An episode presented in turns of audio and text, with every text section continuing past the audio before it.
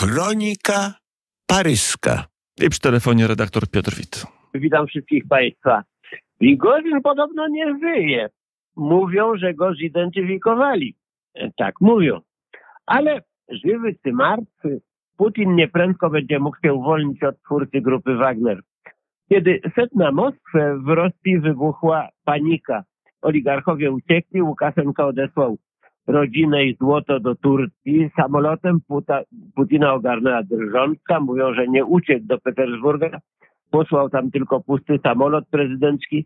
Widocznie wtajemniczeni wiedzieli więcej od nas o potędze grupy Wagner. Wciąż w każdym razie był pilny. Wciąż jeszcze kręgi rozchodzą się po falach eteru. Władimir Fedorowski, pisarz żyjący w Paryżu, który był blisko Kremla i samego Putina, słysząc obietnicę bezkarności złożoną przez niego Prigorzynowi, wykrzyknął, no teraz, kiedy już Putin przysiągł, za życie Prigorzyna nie dałbym ani kopiejki. Prigorzyn więc odtańczył swój taniec z sablami i znikł w gęstych mrokach Białorusi, gdyż w naszych czasach to, czego nie ma w telewizji, to nie istnieje.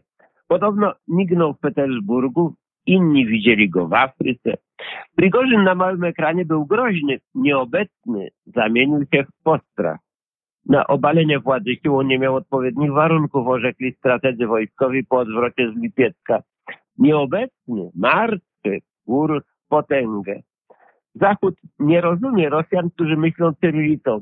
Przypomnijmy sobie historię Rosji, pełno w niej potężnych, nieobecnych duchów, zombie, dybuków, martwi carowie, martwi pretendenci do tronu, choć ich nie ma, wciąż żyją życiem pośmiertnym i mogą przyjść, żeby strącić z piedestału.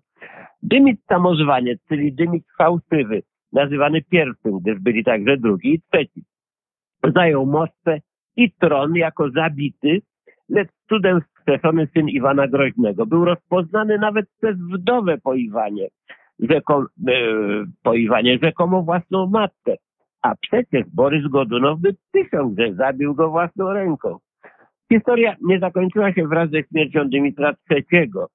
Libretto jest wciąż aktualne, tylko obsada się zmienia. Anastazja, rzekoma córka ostatniego cara, pretendentka do tronu, zmarła przecież całkiem niedawno. Dymit został uznany przez bojarów, przez e, oligarchów, ale lud go nie zrozumiał, ponieważ Dymitr nie nosił brody i nie spał po obiedzie jak wszyscy. Zabitego powiesili za genitalia, przestroga dla Prygorzyna, jeżeli znów się objawi. Chociaż Dymitr dwukrotnie jeszcze zmartwychwstawał. To, że Putin za murami Kremla jest oderwany od rzeczywistości w swoim włoskim garniturze i źle zawiązanym krawacie, to można zrozumieć. Trudniej wybaczyć zachodnim komentatorom, którzy z arystokratyczną pogardą mówią o Prygorzynie kucharz, albo jeszcze gorzej bandyta. Takie lekceważenie ujdzie we kraju hamburgera, ale we Francji umiejętność dobrego gotowania jest uznawana za sztukę. Wielki kucharz uchodzi za wielkiego artystę, a to do przeszłości kryminalnej. Prigorzyn nigdy jej nie ukrywał, przeciwnie podkreślał ją. Jean-François Colosimo nazywa go z tego tytułu geniuszem reklamy. Vincent Arouet asem propagandy. Wiedział, jak zdobyć popularność wśród połowy francuskich komentatorów i wśród ludu, kiedy swoje pojazdy oznaczał literą Z, jak Z, gdy bohaterem naszych czasów na zachodzie jest bandyta wytatuowany jak algierski korsarz. A w Rosji, gdzie połowa narodu siedziała w łagrach, jest nim wydanie lokalne Z kryminalista, zaklucenny kanału Armiejec, więzień łagru. Nie po raz pierwszy zresztą. Jean Valjean, były galernik, nie jest bohaterem pozytywnym Wiktora Hugo, podobnie jak inny katorżnik Wotrę o łży śmierci. Pozytywny bohater Balzaka, jak morderca Antoni, romantyczny bohater sztuki Aleksandra Dumas i bliżej naszych czasów dżentelmen włamywacz we Francji, czy też kochanek Wielkiej Niedźwiedzicy w Polsce. Arsène Lupin po okradzeniu damy posyłał jej kwiaty. Przemytnik Sergiusz Piasecki odsypywał kobiety kradzioną biżuterią i dolarami. Prygorzyn zatrzymuje dolary i złoto dla siebie. Każdy ma bohatera skrojonego na własną miarę. Prigorzyn jako kucharz nie przewyższył, jak się zdaje, Gesslerowej, ani jako mistrz reklamy nie wygrałby z Isakiem Segelą.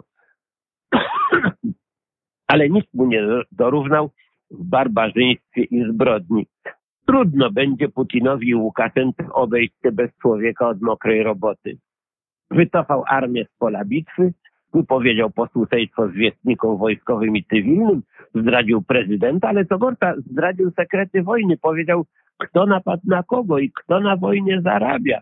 Za każdy z tych wyczyn, z tych wyczynów groziłaby kula w łeb lub podwójna dawka polonium, gdyby, gdyby nie chodziło o zeka. Joe Biden, mimo że nikt go o nic nie pytał, przysiągł, że amerykańskie służby specjalne nie miały z tym nic wspólnego. A któż choć przez chwilę chciałby podejrzewać amerykańskie służby specjalne, że mieszają się do interesów suwerennego państwa? To prawda, i sam Prigorzyn to przyznał, że tworząc swoją prywatną armię wzorował się na amerykańskiej armii prywatnej Blackwater użytej w Iraku, ale przecież nawet gdyby Amerykanie pomagali mu w organizacji, to nie pomagali w rebelii.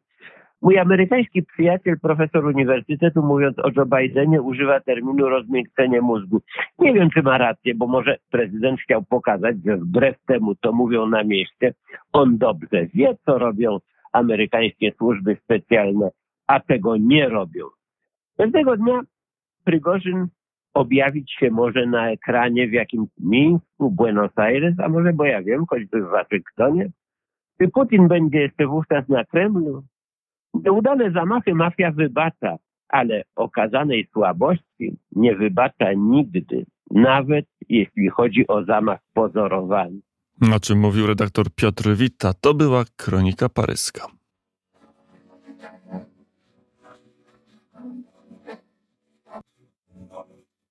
Kronika paryska.